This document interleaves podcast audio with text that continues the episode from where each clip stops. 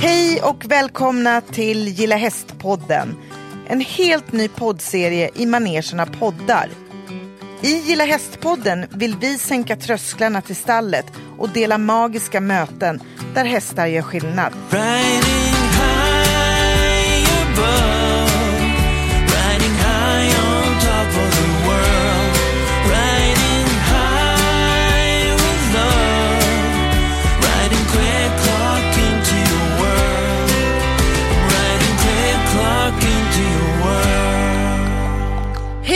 välkomna till ett helt nytt avsnitt utav Gilla Hästpodden.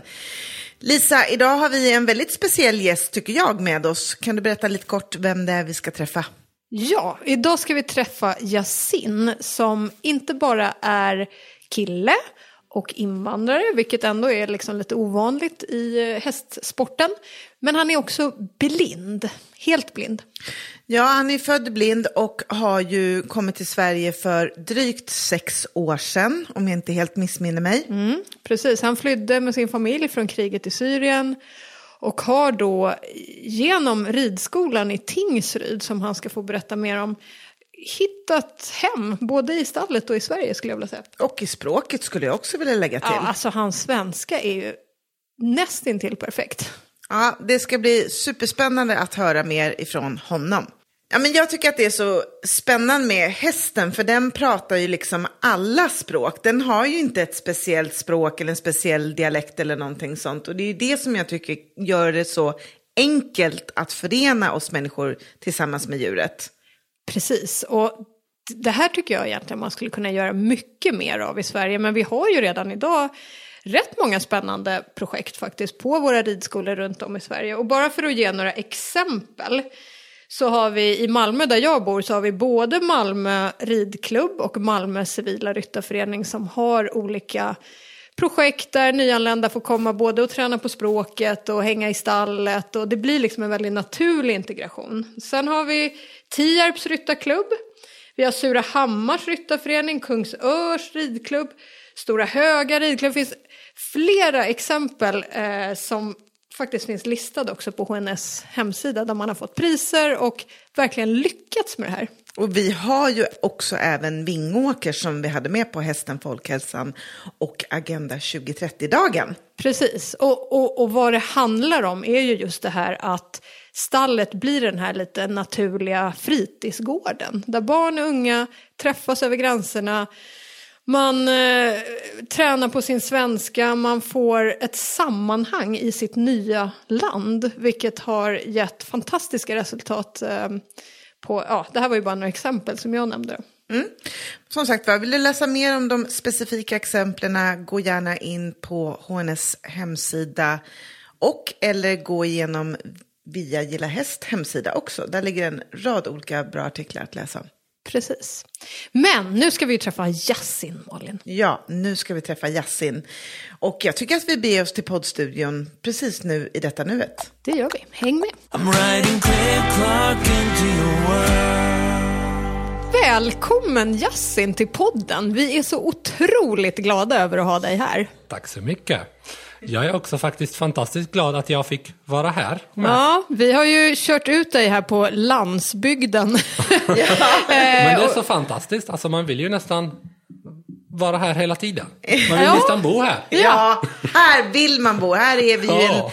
underbar miljö. Hästarna är precis utanför fönstret. Vi ska såklart gå in efter podden och få dofta lite häst och ja, bara känna de här levande väsena omkring oss. Men det, först ska vi ju få träffa dig och lära känna dig Yasin och höra om din hästbakgrund och hur hästar har gjort skillnad för dig. Jajamän. Om vi, om vi bara börjar med Yasin, kan inte du bara börja och berätta lite kort om dig själv? Du kom till Sverige 2013 från eh, kriget i Syrien. Ja. Ja, eh, som sagt, jag heter Yasin, Yasin Hai Abdo och eh, jag är 20 år. Eh, jag är 20 år gammal och jag eh, flydde från kriget eh, från Syrien år 2013 och där så hamnade jag i Nybro först. Eh, tills man har fått liksom uppehållstillstånd och så, så eh, kanske. Eh, det var nog tre, må- tre år efter eh, jag kom till Sverige så flyttade vi till Tingsryds kommun. Och eh, ja, det var ju Urshult vi bodde, eh, en mil utanför Tingsryd. Eh, och där så började jag liksom, började det med hästarna. Red Men du det- hemma i Syrien tidigare? Nej, Eller, nej, inte nej, alls. nej. Jag, har- jag har inte ens klappat på en häst innan. Nej. Ja. Men det är helt, ja, för det, vad var ditt första minne när du kom till Sverige? Alltså när ni då landade i Syrien, när jag flytt ifrån ett krig, eh, du och din familj, vilka består din familj utav? Ja, min familj består av eh, min pappa, min mamma, eh, mina eh, syskon. Jag är yngst i familjen och så har jag en äldre bror som är äldre än mig i två år. Eh, han är också blind. Och eh, ja, eh, så har jag även en till bror, men han är seende, så hela resten är seende. Det är bara jag och brorsan som är blinda. Och så har jag två systrar som är gifta med. Också här i Sverige. Ja, de är här i Sverige med. Och hur var första minnet när ni landade i Sverige som Malin sa? Var, hur var det? Um, alltså, det var i oktober. Man, alltså, jag minns ju, man kom liksom till Malmö med liksom ett nytt land. Eh, nya, alltså, nya, nya människor, ny kultur. Allt var ju nytt för oss. Så att det kändes så här, man eh, kunde inte liksom kommunicera eller så. Äh, Du berättade för mig Yasin att du kunde varken engelska eller svenska när ni kom här. Ja, och så, liksom, eh, så blev vi sorterade till eh, Nybro, vandrarhem. Så ja, det var liksom det här Sveriges vinter, kallt. Var det? det var i oktober, det var redan kallt men inte sådär jättekallt. Det var inte snö eller så än. Men det var kallt i alla fall.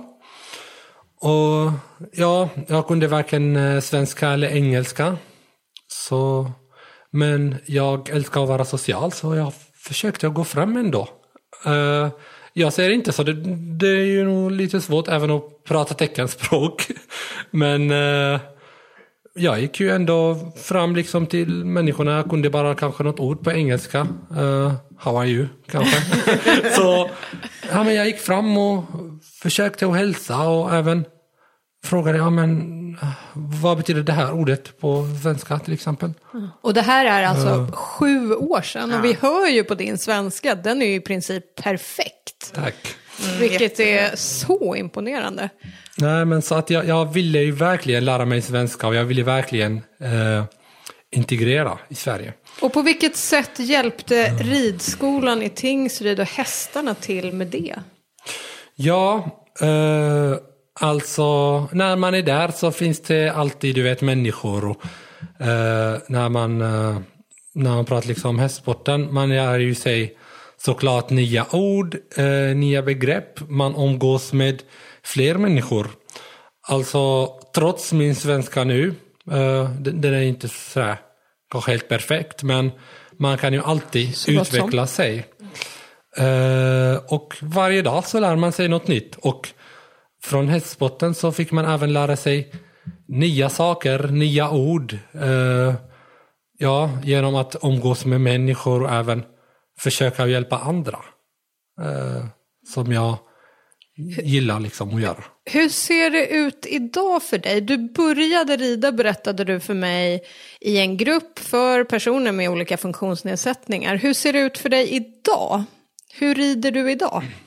Nej, idag så rider jag numera i en eh, helt vanlig grupp. Alla är seende. Eh, de har ju en blind kille med sig och det är ju jag.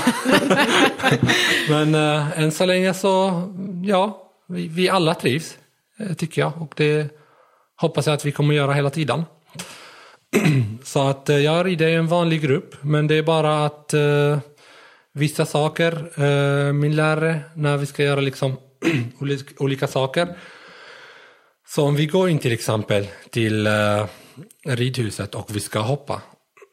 Så berättar hon, ja men eh, vid B utanför, kanske en meter från väggen, vid B, så har vi ett hinder. Eller så har vi liksom bommar och hinderstöd.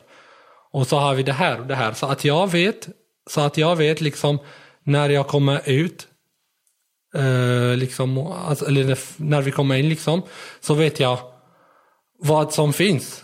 Så att jag har en liten bild i huvudet. Så jag inte liksom krockar med annat. Med hinderstödet? ja, Nej. nej men eh, ja, det skulle nog inte kanske göra särskilt mycket för sig, men ändå.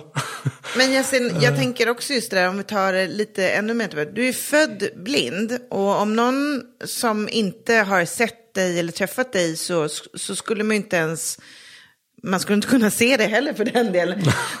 Kanske inte. Det är, och det är så härligt med dig, för man får ju säga de här fel. Jag är ju inte så bra på att vara politiskt korrekt i alla grejer. Ja, utan inte- jag, jag inte- känner inte från jag hjärtat. heller. Nej, och det är så härligt för det får en att slappna av. För det är ju ändå någonstans att, att vara en inspiration. Du är ju det för många. Dels genom det du gör och den personligheten du är. Men för om man nu skulle se dig skulle man inte förstå att du är blind och har det här. Så hur har det inneburit för dig? Vilka eventuella liksom svårigheter eller har det varit, ja, förstår du hur jag tänker? Ja, eh, ja, att vara blind. Ja, jag skulle nog inte kunna påstå att det finns ju svårigheter direkt så. Men eh, det är klart, det finns ju saker som är lite svåra att eh, genomföra. Det, det får man vara ärlig med. Men eh, det svåra kan man göra lätt. Alltså med hjälp av att tänka, med hjälp av att liksom eh, ha den här framåtdrivningen. Man gör det svåra så gör man det enkelt. Uh, så att uh, jag tar upp ett exempel. Uh, det var ju en gång så jag har min brorsfru, hon hade en häst i stallet där i kanske Alltså det var i alla fall i tre månader jag hade, om, jag hade hand om den här hästen i fyra eller fem dagar i veckan och jag brukade liksom göra allt. Mocka, eh, fodra, allt. Men ett problem som var ju lite svårt eh, var hur man skulle väga hö eller hösilage när man inte hade någon med sig. Hur ska man kunna se på vågen vad det står? Och då tänkte jag, ah, men något sätt borde man väl kunna hitta. Jag gav inte upp. Eh, så några dagar efter så kom jag till ridskolan med en fiskevåg. En sån liten som man kan ha i fickan. Som man kan väga fiskarna med. Och så hade jag med mig en liten plutt. Och med hjälp av eh, min lärare Sara. eh, så vi, hon eh, visade vad att liksom det var, jag brukade mest ha typ tre kilo, två och ett halvt, tre och ett halvt så. Så att jag hade med mig en sån plutt som man brukar ha till dator, liksom till att markera tangenterna om man vill, när man är blind. Så hade jag en sån med mig och klistrat på vågen och därefter så kunde man väga själv.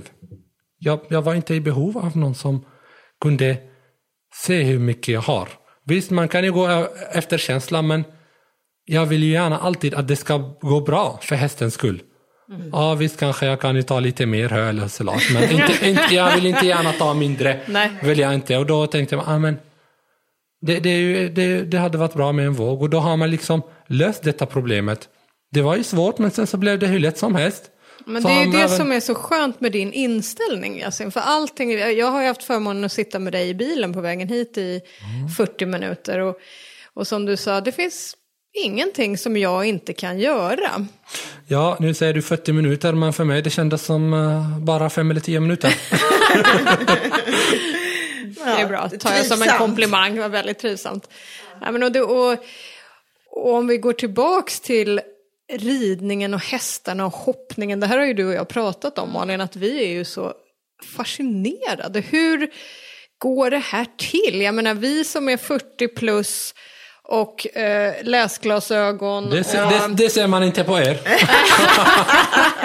Nej, Nej, men vi, jag menar, jag eh, tycker ju att det kan vara jätteläskigt att, att hoppa och när ska man ta avstampet och hur ska jag lätta ur sadeln vid rätt eh, tidpunkt och så.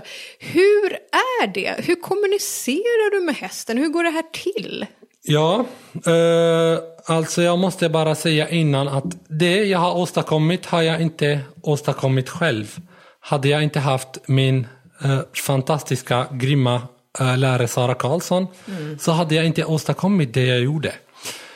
Och eh, där när det gäller hoppning så jag visade Sara att jag har den här eh, drivningen framåt och jag, vill, jag sa till henne att jag vill gärna hoppa och så. Och hon, hon såg det på mig, att jag, jag vill. Och vill man, hon, hon vet och jag vet, och säkert ni vet också, vill man, har man en stark vilja, så kan man komma hur långt man Helt ens sant. vill. Ja. Och då så har vi liksom eh, kommit eh, överens om ett, ja, men ett sätt eh, till att kunna eh, fixa det här med hoppningen. Och vi, vi tränade liksom först med ett hinder och sen så blev det två hinder och så. Så blev det lite mer hinder och så. Till slut så var det helt bana med åtta hinder. Det är helt otroligt. Ja. Och så gjorde man liksom, från början liksom med ett hinder så stod Sara bredvid hindret så, eh, ja, höger om mig. Och sa hon här, här, här eller så. Så jag kunde med hjälp av rösten så, eh, alltså när man är blind, eh, kanske att man inte har bättre hörsel men man använder ju hörseln på ett annat sätt. Men jag tror också det, att just det att om man, om man då är blind eller man till och med, eller kanske tvärtom att man är döv, att man utvecklar ju andra sinnen mer just för att man liksom har det som ett extra sinne så. Men jag tänker, när du säger att du hoppar med hästen inne på en bana och vi pratar ju ofta så här, kanske mm, hon säger, ja men tre galoppsprång. Då tänker jag bara så här, men hur ska man veta om man rider rakt fram eller åt sidan eller?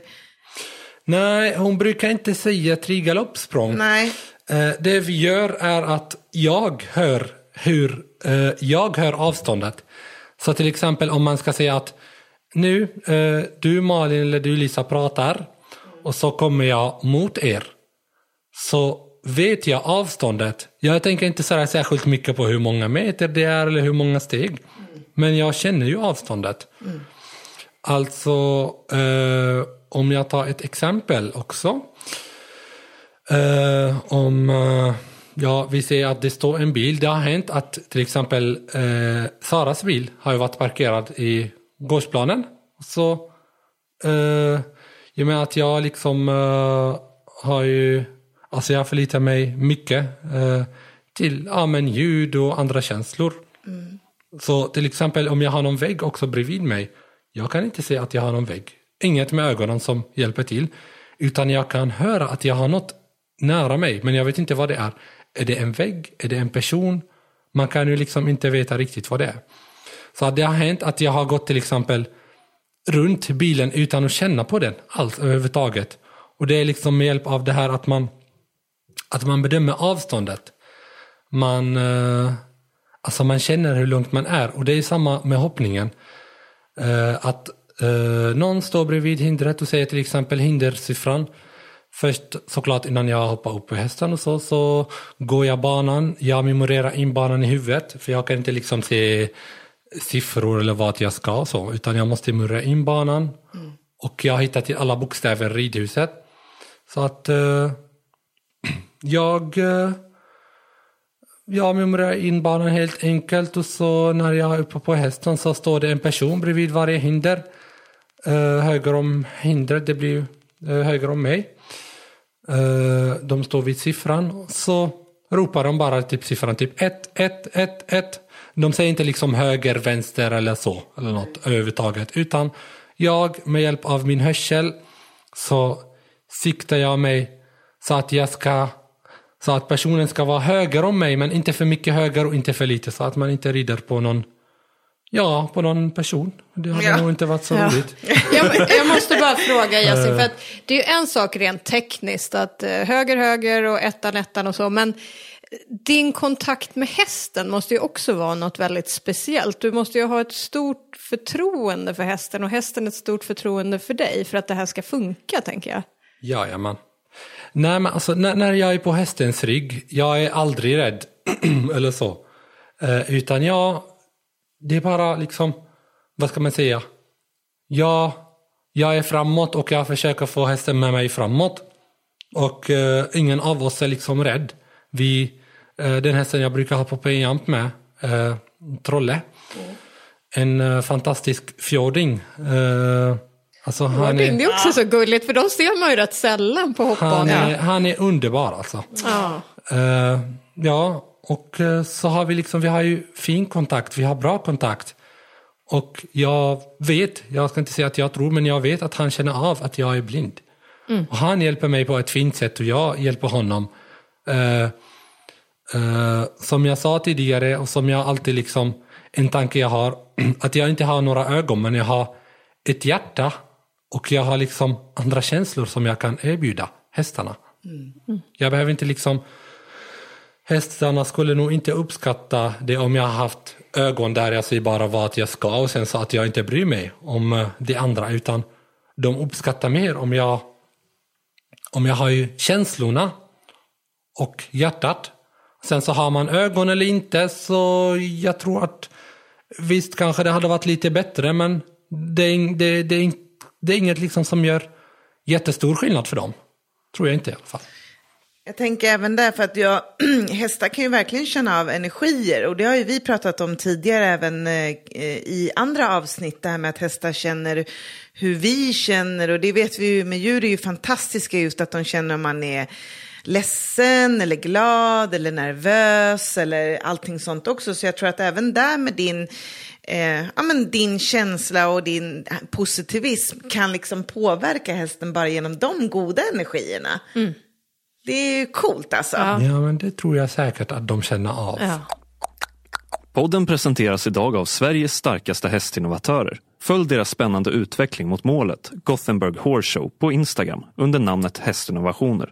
Där kan du också läsa mer om hur du snart kan vinna biljetter till Hästföretagarforum som arrangeras av Gothenburg Horse Show och Eurohorse. I'm riding Clip Clock into your world. Men Yasin, jag tänker, du har ju aldrig ens sett rent, alltså du har ju aldrig sett en häst. Eller just Trolle, exakt hur han ser ut. Kan du ändå någonstans föreställa dig hur han är och hur han känns och uppleva liksom om han är stor eller liten eller hur, hur, hur ser du i din värld? Ja, Uh, färger uh, ska jag nog inte nämna för det är något som är meningslöst för mig. Alltså, jag vet, alltså, I och med att jag inte sett alls innan så vet, så vet jag inte hur en färg ser ut. Men som Trolle, uh, när jag går in till Trolle till exempel och känner på honom. Jag brukar känna att han är avslappnad med mig. Han är liksom han är stor, men inte... Alltså han är stor, men eh, även eh, har ju liksom mycket muskler. Eh, han är inte liksom tjock på något sätt. Eller så. Eh, visst, li, lite, lite större mage har han kanske, men han är Vem inte har tjock. inte det i dessa tider? Man brukar ju också prata om att ridsporten är relativt dyr, eller snarare så här, det är dyrt att rida. Eh, men vi, innan vi satte oss i det här samtalet så sa vi att ja, fast det kostar ju ingenting att hänga med en häst och, och vara i ett stall och så. Men känner du just att, att det är ett, ett ställe för alla eller har du upplevt det på något annat sätt? Nej, det är faktiskt ett ställe för alla. Uh, man måste ju också verkligen säga att ja, man hade ju gärna velat rida mer än en gång kanske. Eh, alltså du vet när man ser, eller ser och ser, men när man, ja, vi, vi säger se när man ser eller hör andra. Eh, ja, men gå ut och rider några dagar i veckan och ja, som har denna möjligheten. Man blir ju sugen om man ska vara ärlig. För det gör ju mer och, mer och man utvecklar sig mer. Men uh, det är inget som uh, det, det är inget som säger att det här är inte för alla utan uh, kan man inte rida så kan man göra mycket annat. Jag kan ju liksom förstärka bandet med hästarna från marken istället. Varför har vi inte fler killar i våra stall i Sverige? Ja, det har jag med undrat eh, faktiskt på. Men eh, det har varit eh, för ett tag eh, artikel eh, där Hipson intervjuade mig. Och där jag utmanade fler killar till att börja rida. Då jag har liksom sett på några stycken killar som är ju rädda för att börja rida. För att inte liksom bli retade eller så eh, av kompisarna eller sådär. Ja men, så, ja, men eh, hästarna är bara för tjejer. Du, då, då, då är du en tjej när någon kille börjar. Men då, då har jag liksom eh, tagit upp detta, eh, Hipson. Eh, det var ju rubriken var ju Yasin Hai Abdo, eller Blinde Yasin mot för, fördomarna. Eh, ja, eh, för, för killarna som rider. Det var något sånt. Mm, Just det, killar riktigt. som rider finns det ju en, eh, en Facebookgrupp också. Där man inspirerar fler, ja, men fler killar att börja rida. Och eh, där skulle du verkligen vara med. Det ska jag se till att ordna. Absolut. ja, det är jätte, jätteroligt. Nej, men jag Faktiskt. tror att det mest är liksom, särskilt i skolorna så blir man nog, alltså i skolan, små barn vet inte så mycket då man blir ju retad. Eh, man behöver kanske till exempel hemma eller så eh, utmana killarna mer och säga att alltså, vissa, det här är ingen, liksom, ingen, eh, ingen tjejsport, utan det här är ju för alla. Mm. Hur har reaktionen från dina föräldrar varit när du sa att du skulle börja rida? Jag tänker det är också inte helt självklart när man kommer till ett nytt land. En ridkultur är ju som du tidigare nämnde inte kanske någonting du är med dig. Så att jag menar, hur har reaktionerna varit där? När jag bestämde mig för att börja rida så blev de väldigt rädda. Och det är ju nog helt naturligt för föräldrar som har en blind son. Ja. eh, Som är lite svårt ibland att få broms på. Nej, så, så de blev ju lite rädda. Så, och, du kan väl hitta något annat att göra. Men jag bara, nej, men ja, jag gillar det här, jag, jag vill fortsätta med det här. Så att jag sa emot, jag började med det. Och eh, numera är de stolta över mig. Nu jag har varit med även om en uh, olycka. Eh, det var inte länge sedan, det var ju bara i sommar. 29 maj, så det var inte så länge sedan. Och jag har brutit liksom massa. Eh, jag har brutit min nyckelben, min skulderblad och även tre stycken revben. Oj, aj, aj. När man har hoppning så kan den hitta på lite bus. Alltså jag har ridit denna hästen rätt så mycket och det har inte hänt något. Så. Men det var en gång eh, vi var ute och skulle rida, skulle hoppa i ridbanan. Så var jag eh, i full galopp mot hindret så började den hästen galoppera ännu mer. Och det är liksom en 1,75 mankhöjd. Oj. Så att den har börjat att galoppera ännu mer och ännu mer. Så att man kunde inte få stopp på den och då svängde jag lite vänster om hindret så man inte skulle Ja, men så, så att man inte skulle skada sig både mig och hästen så tänkte jag att man kanske kunde få någon broms på hästen. Men eh, det gick ju inte. Den blev nog uh, sådär, mer energi, så jag menar att vi var ute. Så bockade den av mig samtidigt som den galopperade. Den bockade av mig framåt. Och då har man liksom ingen chans att sitta kvar. Nej. Eh, nej. Som kan vi hålla med vet. Ja. Och, eh, ja.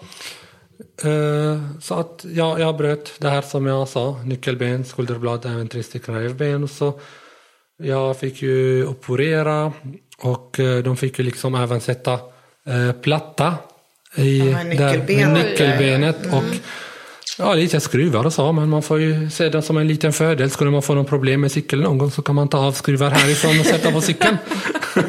Perfekt. Ha med sig sin egen verktygslåda. Nej, men man får ju, man får ju liksom se det positivt. Även det. Men du är tillbaks, eh, berättar du för mig också, på hästryggen. Du var tillbaks Ja. efter bara en månad, sa du till mig. Eh, Så ja, nästan. Eh, Det var ju 29 maj, så det var typ, man kan säga i början av juni. Så juni, eh, ja, juni, juli, det var nog nästan två månader. Det var, för hästarna också var ju på bete och det var ingen ridskola och så. Men i början av augusti så började jag med ridningen igen. Trots att eh, egentligen läkarna sa att jag skulle vänta minst eh, åtta månader, sex månader, ett år. Jag minns inte det riktigt, men minst det var nog eh, åtta månader. Han sa att jag skulle vänta minst innan jag ens tänker sätta mig upp på hästen. Men jag tänkte, nej men det går nog inte att vänta mer. man, har, man är väldigt sugen. Men, men just med tanke på att du har ju varit med i ett par olika tidningsartiklar artiklar och så vidare. Så här, har du fått kontakt med andra som är blinda och rider runt om i Sverige? Eller på vilket sätt liksom, har du kunnat knyta an eller ja, fått andra att börja rida just och inte se det som en nedsättning utan snarare som kanske en styrka? Ja, att fått andra börja rida, jag vet inte riktigt om jag har. Men jag vet att jag har fått någon i alla fall, någon som är synskadad till att liksom bli mer taggad på att vilja börja hoppa. Och jag tänker, vad är största problemet? Är det att ridskolorna inte har resurser eller är det att de inte vågar själva komma till ridskolan? Nej, alla har inte en fantastisk ridlärare som jag har, vet du. Nej, precis. Klona Sara helt enkelt. Ja, jo, hon är verkligen fantastisk. Hon vet att jag vill, hon vet att, att, vet att jag kan. Ibland så släpper hon kontroll. Alltså, så här, man ska våga. Ja, Man precis. ska våga ge sig. Men är det ett tips och ett medskick som du skulle vilja mm, liksom, ge, ge framåt till andra som är blinda? Att våga, att prova och våga komma i kontakt med ridskolorna? Inte bara för de som är blinda, utan för alla. Okej. Överlag. Jag vill ge det här alltså, för alla. Och även en grej som jag vill verkligen att alla ridlärare ska tänka på. Alltså vissa människor, man ser ju, man tror att de, nej men. Alltså man ska, man ska ju vara ärlig nu. man ska säga, vissa tänker, ah men. Han är blind, vad kan han göra?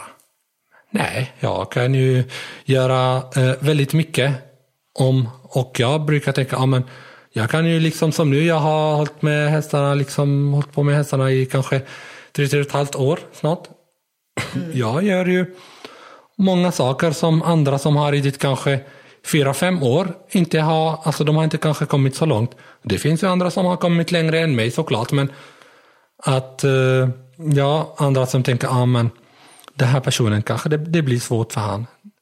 Det, det brukar oftast, eh, alltså man brukar hitta lösningar till allt. Bara att den personen har den här starka viljan så kommer man hur långt som helst. Precis. I'm riding Clark into your world.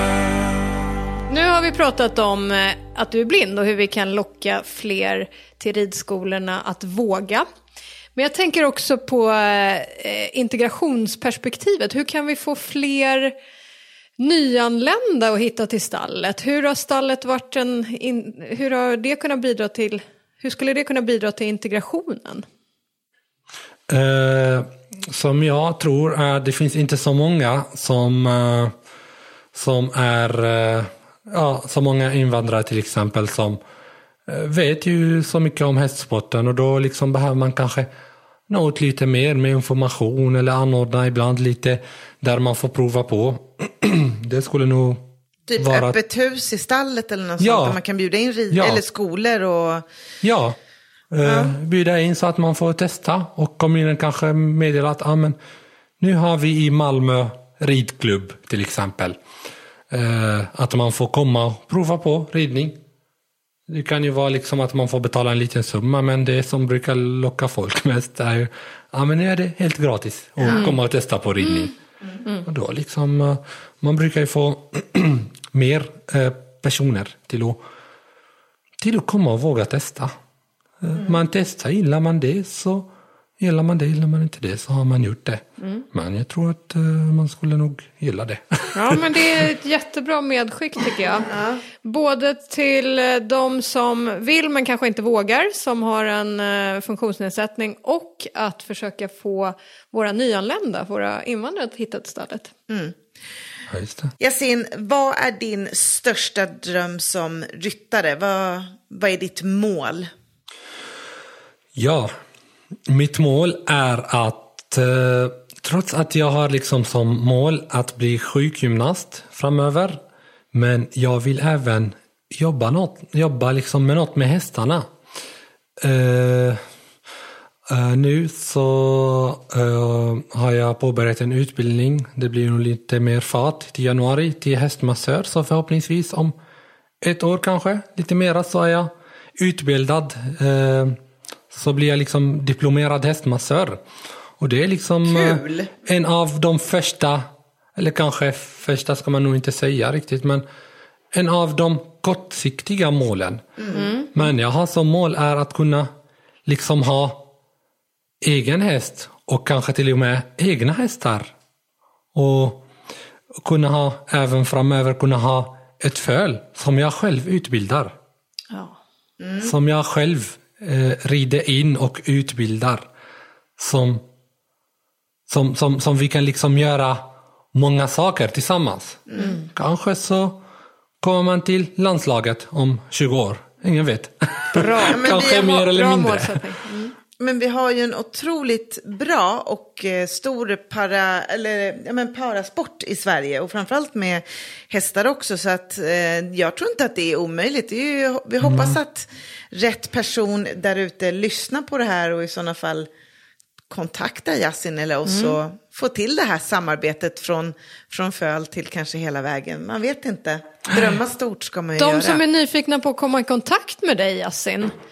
Hur gör man det? Får man, får man kontakta dig? Ja, jag är väldigt öppen för alla och eh, jag är ju bara jätteglad av alla kontakter jag har och jag, eh, det blir bara liksom roligare och ro- roligare med, med fler kontakter och fler kompisar. Liksom. Härligt. Eh, nära och kära liksom, som man brukar säga, eller kära och nära. Eh, Så att eh, ja, man får ju mer än gärna kontakta mig och det kan man göra eh, antingen via Messenger, Facebook eller telefonnummer och även mailadress. Det är ju liksom för mig det är Härligt. Och ni kan ju också kontakta oss på Gilla Häst så kan vi förmedla kontakten till Yasin. Absolut. absolut. Sen Yasin har vi två frågor som vi ställer till alla våra poddgäster. Och den första är, kan du berätta om ett hästmöte som har gjort skillnad för dig? Ja, hästmöte, det var ju den här första lektionen jag haft när jag red. Eh, när jag red första gången. Och det var ju Trolle jag fick träffa. Och rida. Och det är ju liksom något som har gjort verkligen skillnad. Eh, hur jag var då och sen så hur jag är nu. Och eh, ja, Vad betyder Trolle för dig om du fick kortfattat säga ett par ord? han betyder liksom, vad ska man säga, väldigt mycket för mig. Hade jag liksom haft råd så hade jag inte låtit honom vara en, en bara min häst. Ja. Jag, eh, han är en fantastisk häst och jag litar verkligen på honom. Jag kan ju liksom ge mig vad som helst med Trolle eh, utan att vara rädd. Och det tror jag att han även gör med mig. Så mötet med Eh, Trolle. ja. Mm, fint. Om du skulle få också möjlighet att säga någonting till de som bestämmer, alltså politiker och beslutsfattare om och kring ridskolan och om och kring att våga satsa på eh, människor, jag skulle vilja säga med särskilda behov istället för en nedsättning, för det tycker jag inte att det är. Det är snarare, det är bara bra att öppna sinnena på ett annat sätt. Men ja. vad skulle du vilja kunna säga till de här politikerna för att få dem att fatta galoppen helt enkelt? Nej, men alltså att våga ge, eh, ge möjligheterna att, alltså, jag skulle nog liksom även berätta om min resa, om min resa med hästarnas värld och förklara liksom eh, hur långt jag kom eh, trots att jag rider bara en lektion i veckan. eh, och till exempel hade man haft mer stöttning jag hade förhoppningsvis kommit mycket längre. Och till exempel om man säger fotboll. inte alla kan spela fotboll. Men när det gäller hästsporten, alla kan ju rida. Det tror jag. Och om inte alla kan rida då, alla kan ju umgås med hästarna. Om de inte liksom... Och sen så även på hästens rygg är vi alla tillsammans. Oavsett om du är blind, du är dövblind, om du är förlamad. På hästens rygg är vi alla lika. Eh, bara det vilja man vill ha och hur långt man vill komma. Det är, det som, det är bara det som begränsar. Inget annat. Väldigt bra Slutkläm. avslutning där Yasin. Tack snälla för att du har kommit till oss idag. Tack Vi är själva. så Tack att jag glada. fick komma. Ja, Hoppas man får komma flera gånger. Och vi kommer ju Ja. självklart eh, dela lite bilder och filmsnuttar från vår dag med Yasin i Ja. våra sociala kanaler. Absolut, Ja. och jag har ju faktiskt även lovat Yasin en sak att ta med honom till Grevlunda och hälsa Mm. på. Ja, nu, nu har ni hört det så att hon inte Ja. glömmer. Nu har vi bevis Malin. Ja, så, eh, Nej, ni, ni är fantastiska. Ja, stort, stort tack Yasin. Tack själva. och lycka till med ridningen och hälsa Trolle och Sara jättemycket. Ja, Så mycket, och det ska vi jag göra. eh, ses på nästa OS. Det gör ja, vi ja, alltså, säkert, Jag kanske, sitter i publiken och du rider. Det var så jag menade. Ja, vi har, jag hoppas att vi gör. Ja, kram, kram, hej Hej då! Hur säger man gilla häst på arabiska? Um, Hobb al-Khail kan man säga. Ja, just gilla häst. s- kanske, ja, ingen direkt översättning men man kan säga Hobb al-Khail. Alltså, det blir som gilla häst men eh, kärlek till häst. Ja. Hoblochej. Ho- Hobb al- Hobb al-Khail. Hobblechej. Hobb al-Khail. Hobbelchej. Ja, just det. Gilla hästpodden ryms i satsningen med samma namn som drivs av hästnäringens nationella stiftelse, HNS. Läs mer på gillahäst.se och följ oss gärna i sociala kanaler. Podden presenteras idag av Sveriges starkaste hästinnovatörer. Följ deras spännande utveckling mot målet, Gothenburg Horse Show, på Instagram under namnet Hästinnovationer. Där kan du också läsa mer om hur du snart kan vinna biljetter till Hästföretagarforum som arrangeras av Gothenburg Horse Show och Eurohorse. Right